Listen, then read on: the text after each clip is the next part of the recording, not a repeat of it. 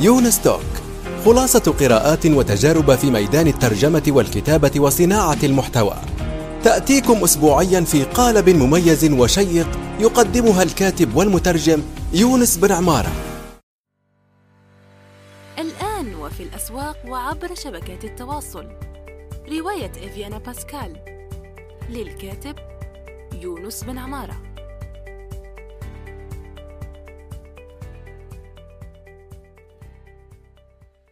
السلام عليكم ورحمة الله وبركاته في حلقة جديدة من يونس توك. مرحبا بكم. صباح الخير أو مساء الخير حسب الوقت الذي تستمعون فيه إلى هذه الحلقة. بعد أن أجبت الأستاذ حامد الخطيب يعني لما سألني لما لا تكتب عن عشرة أشياء تمنيت لو فعلتها مبكرا ولا داعي أن يكون الرقم عشرة. ولله الحمد يعني ليس لدي شيء أشياء كثيرة صراحة. أتمنى لو أني فعلتها مبكرا لكن أهم شيء ذكرته هو مالي. أهم شيء تمنيت لو فعلته مبكرا هو جعل جمهوري هو من يحدد ما أصنعه من محتوى مثل ما أفعل الآن. وليس العكس أن أكتب وأنتظر الصدى. منذ بدأت في التدوين وفق الطلبات وأنا متحسر على الفترة التي مضت دون أن أفعل ذلك أبكر بكثير. فحصلت يعني التغريدة بحمد الله على عشرة إعجابات وإعادة تغريد واحدة وأعتقد خمسة يعني آه، ردود. تمام؟ هذه أعداد جيدة يعني خاصة بالنسبة لي. فمن بين هذه الردود الجميلة آه، كتب الأستاذ محمد الخضير أخ يونس هل من الممكن أن توضح أكثر أو أن تكتب مقالا بهذا الشأن؟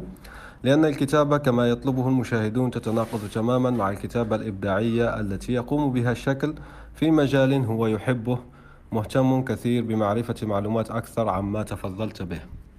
وأنا عملت هذه الحلقة خصيصا للأستاذ محمد الخضير للجواب على سؤاله هنا. فلنبدأ على بركة الله. مستعينين بالحي الذي لا يموت. فالأستاذ محمد يعني يقول هل من الممكن أن توضح أكثر أو أن تكتب مقالا بهذا الشأن؟ لأن الكتابة كما يطلبه المشاهدون يعني نحن أنا لا أقول أنك يجب أن تكتب أو تصنع المحتوى وفق نمط ما يطلبه المستمعون لأنه نعرف نحن أن معظم الناس للأسف يعني سوف يطلبون الرديء ويطلبون آه، السيء. طبعا يعني حسب ما أعرفه عن معظم الناس فمعظم الناس عامة والعامة يعني ذهنها آه، ليس بتلك القوة ولا الألمعية. ومن قرأ سيكولوجية الجماهير وأنصح هنا بترجمة الأستاذة إكرام صغيري ودار كلمات وسوف أضع رابط يعني لهذا الكتاب الرائع. سوف يفهم ما أقوله عن العامة. لا لا أقصد بسيستم أو منهج ما يطلبه المستمعون أو كما قال الأستاذ محمد الخضير كما يطلبه المشاهدون. يجب أولا أن أوضح بعض آه، أنا سعيد أني هنا عندي فرصة لكي أوضح كلامي في التغريدة.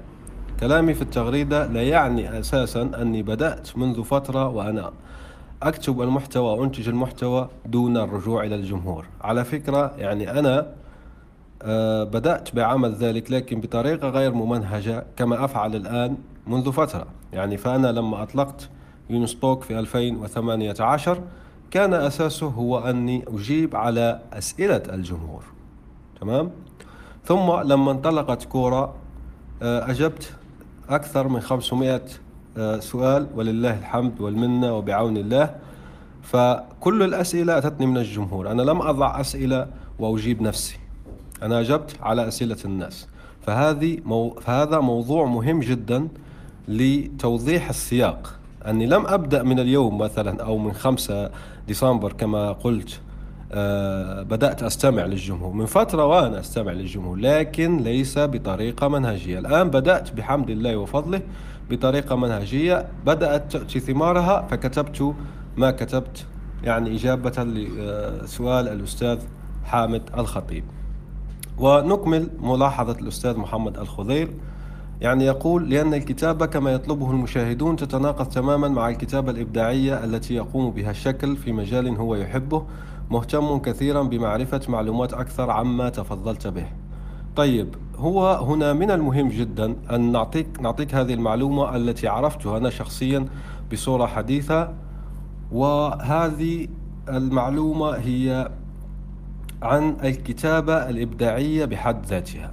فسألني سائل من آه، كورة نرجع لكورة تمام؟ زي ما ذكرت لك وأنا بفضل الله يعني جاوبت الكثير في كورة فهذه تجاوب مع الجمهور. تمام؟ أنا أنا لماذا أكرر هذا؟ لأني أحكي لك أن بداية التجاوب مع الجمهور لم تكن عشوائية بل من فترة ولله الحمد. لكن في البداية كانت غير ممنهجة. حاليا أدخلت المنهجية. فأعطيك هذه المعلومة أول شيء عن ما هو ما هي الكتابة الإبداعية فسألني سائل بارك الله فيه. آه سوف نذكر اسمه. لحظة أنا أحب ذكر الأسماء. فالأستاذ علي الذرعي أظن الذرعي. تمام؟ وشكرني على الجواب يعني من بين ما آه قاله. أنت لم تجبني فقط بل زودتني بمنهجية بحث متقدمة ورائعة فأشكره. سوف أضع هذه الإجابة لا تقلق في آه، الروابط التابعة لتدوينة التي مع هذه الحلقة فهو سأل ما هو أصل مصطلح الكتابة الإبداعية لأني لم أجد له تأصيلا أو لم أجد تأصيلا له في كتاب الكتب الأدب التراثية ومتى بدأ تداوله في عالمنا العربي ولماذا لم يتم ترجمة المصطلح إلى كتابة أدبية؟ هل هناك فرق بين الكتابة الإبداعية والأبداعية والأدبية حتى نأتي بمصطلح جديد؟ فهنا بعد بحث أنا كنت يعني في أول نظرة لي بالفعل قلت أنه في فرق بين الكتابة الإبداعية والأدبية لكن بعد ما بحثت قبل أن أجيب على هذا السؤال وجدت أني مخطئ وأن الكتابة الإبداعية في الحقيقة لا تختلف وهذه المعلومة التي ستكتبها من سماعك لهذا التسجيل. فجوابي هو الكتابة الإبداعية بصفتها عبارة مع بعض هكذا يعني الكتابة الإبداعية كمصطلح لم تصادفني أنا أيضا في كتب التراث. لمعرفة متى بدأ تداول أي كلمة باللغة العربية يمكنك استخدام هذين الموقعين. الموقع الأول المعجم التاريخي للغة العربية الشارقة والمعجم الدوحة التاريخي للغة العربية. هذا الأول من الإمارات والثاني من قطر. بارك الله فيما عن الجهود الكبيرة التي قاموا بها في هذين المعجمين. لكن مشكلة هذين الموقعين أنهما غير متطوران بما يكفي لكي يبحثوا بالعبارات المركبة مثل عباراتك. لكني ذكرتهما هنا للنفع والفائدة فهما يعطيانك نتائج لكلمات مفردة مثل ببغاء مثلا وبريد على سبيل المثال. إذا وهنا نأتي المعلومة يعني طول بالك معي. راح نأتي المعلومة التي ذكرتها وهي الكتابة الإبداعية. إذا لإيجاد رقم تقريبي للوقت الذي تداول فيه العرب عبارة الكتابة الإبداعية سنلجأ لكتب جوجل. ليس موقع بحث جوجل إنما لكتب جوجل. عندما نبحث بعبارة الكتابة الإبداعية في كتب جوجل نجد ما يلي. ركز معي الآن. كما ترى المؤشر بالأحمر في الصورة. طبعا الصورة تلاقيها في إجابة كورة التي سوف نضعها في رابط. لما نختار القرن التاسع عشر لن تخرج لنا أي نتيجة. هنا يمكننا أن نقول بيقين لا بأس به. أن عبارة الكتابة الإبداعية لم تظهر في اللغة العربية إلا في القرن العشرين ركز معي شفت كيف؟ والقرن العشرين للمعلومات يبدأ بواحد يناير 1901 ولما تنقب في كتب جوجل ستجد فعلا عبارة الكتابة الإبداعية موجودة مثلا في كتاب زمن الشعر من تأليف أدونيس الصادر عن دار العودة 1972 المهم ولماذا لم يتم ترجمة المصطلح إلى كتابة أدبية هل هناك فرق بين الكتابة الإبداعية الإبداعية والأدبية حتى نأتي بمصطلح جديد؟ أنت محق في هذا بالفعل قلت له للأستاذ علي. مفترض أنها بقيت كتابة أدبية ويوفقك في ذلك قاموس أكسفورد. طالع. قاموس أكسفورد يعرف مفهوم الكتابة الإبداعية أنها الكتابة الأدبية التي تثير قضية أو دعوة للإيضاح ركز هنا والتمييز والتميز. ولكن على أرضية من جمال الشكل والتأثير الانفعالي العاطفي. وذكرت المرجع ولن نكمل في آه يعني الإجابة كلها لأننا أخذنا المفيد. فالمهم نعود ل آه يعني رد أو سؤال الأستاذ محمد الخضير.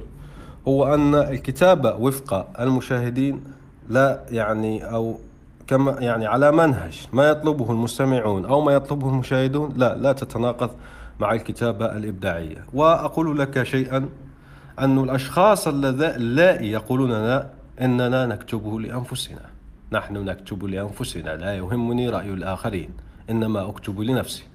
حسنا أكتب لنفسك صديقي عادي جدا ما في مشكلة. لكن لا تتشكى لا تندب لا تنوح. بعدين وتقول فين الجمهور؟ ليش الناس ما تعرف جواهري؟ ليش الناس ما ترى إبداعي؟ ليش الناس ما تقول لي ألمعي ليش الناس ما تصفق لي؟ ليش الناس؟ أنت تكتب لنفسك. أوكي. ولا يهمك رأي الجمهور. أيوة اكتب لنفسك. حسنا لا تنشر أساسا يعني. اكتب وخبئ في الأدراج. ما في مانع.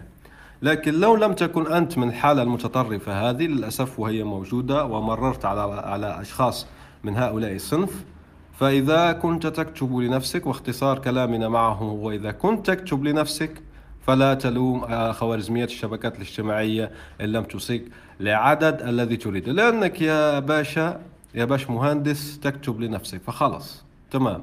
تكتب لنفسك ما تقول تعالوا يا ناس. لأن الغرض تحقق. تكتب لنفسك خلاص أنت كتبت لنفسك. الآن وفي الأسواق وعبر شبكات التواصل.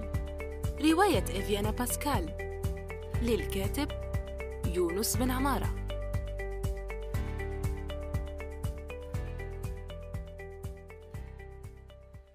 أما إن كنت تقول يعني أنا لو تقيدت بطلبات الجمهور ومضيت وفق ما يطلبه المشاهدون وما يطلبه المستمعون. سوف لن أبدع ما يعبر عن ذاتي وما يعبر عن مشاعري وما يمثلني حقيقة. والجواب على ذلك هو أنت هو القول أنك يعني أنت لست مضطر للتنازل عن التعبير عن نفسك. أنا لم أتنازل عن التعبير عن نفسي. أنا لما أحس أني أريد التعبير عن مشاعري أني أريد التعبير عما يجول في خاطري عما في قلبي أكتب مقال خلاص بدون أن يطلبها أحد على فكرة. أنا أحيانا يعني أكتب هكذا يعني. ولأن أحدكم لم يطلب مني كذا وكذا مثلا مقال في كذا فأنا كتبته تطوعت وكتبته لأني أحب أن أتحدث حول هذا الموضوع. فأنا أكتب ما أتمنى أن أقرأه. هذه أيضا من آه، حوافز الكتابة الجيدة. يقولون لك اكتب ما تتمنى أن تقرأه فأنا أكتبه. لا ما في مانع. هذا ما في مشكلة. لكن هذا أيضا لا يجعلك تتنازل على أن تستمع للجمهور. شيء آخر من المنهج الذي أفعله الآن. أنا لست ملزما بالرد على الجميع. أنا لما أقول كل صباح منذ خام الخامس من ديسمبر 2021 يا جماعة الخير اقترحوا علي موضوع تدوينة اليوم. أنا لست ملزما أخلاقيا بكتابة أي شيء لأي أحد. تمام؟ أنا تطوعت وأختار. مين يختار؟ يونس.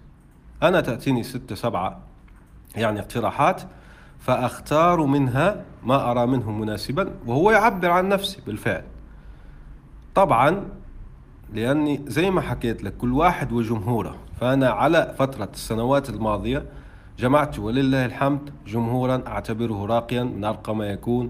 آه، ذهنيتهم يعني آه، مثقفين آه، رائعين. أصحاب أعمال ناس محم يعني متحفزين للعمل متحمسين وكذا. هذه كلها على مدار سنوات بالله الحمد جمعتهم. فأنا أصبر هذا الجمهور وليس أي جمهور. أنا لا أذهب إلى أي جمهور وأصبر آراءه. تمام؟ فأتمنى دون إطالة أني أجبت على سؤالك وأفدتك ولو بمعلومة أو معلومتين. وأخيرا أقول لك أستاذ محمد الخضير تصور أني لا أمضي بهذا المنهج الذي ذكرته أني أنا متطوع بأني أسمع للجمهور. طبعا حتى الجمهور متطوع لست أنا أقول عندي منة أو كذا للمنة لله ثم لرسوله عليه الصلاة والسلام.